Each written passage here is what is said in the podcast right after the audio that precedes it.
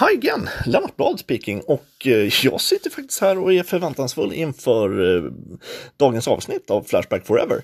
Eh, jag är väl ungefär lika lika nervös som en strykrädd reumatiker innan hjärntransplantationen. Och förväntningarna är lika högt ställda som på att en dvärg överlever ett fall från Kaknästornet.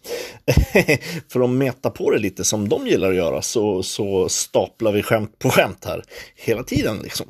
Så att, så är det. Um, nu ska vi se, jag har varit inne och läst lite i tråden där och den här tråkiga jävla doften är igång som vanligt. Uh, han orkar inte jag med riktigt känner jag. Uh, jag har varit inne och läst i Humbugs tråd där också om um, där de siar om vilka trådar som kommer väljas. Men det har inte kommit fram något riktigt nytt så på det viset. Skulle jag säga i alla fall.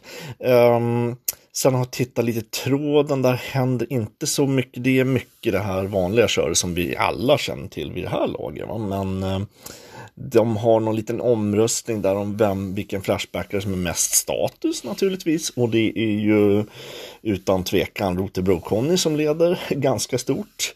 Eh, och sen är det lite andra skämtnamn där som Skellefteå-Eva och så vidare. och så vidare. Ja, jättekul faktiskt initiativ där måste jag säga. Eh, eller inte. Eh, så är det. Och som sagt, förväntningarna, lågt ställda förväntningar. Eh, idag igen. Eh, jag tyckte det var ett litet upplyft eh, förra veckan där med, med eh, ursäkta, Mias del, eh, som inte lät så stolpig och stakig och eh, faktiskt eh, skulle jag nästan vilja påstå producerar den bästa delen av de tre. Va? Ina körde ju någon jävla eh, kuksugarnisse där och Emma pratade om dubbeldusch. Så att jag tycker Mia lyckades faktiskt lite bättre den här veckan skulle jag säga.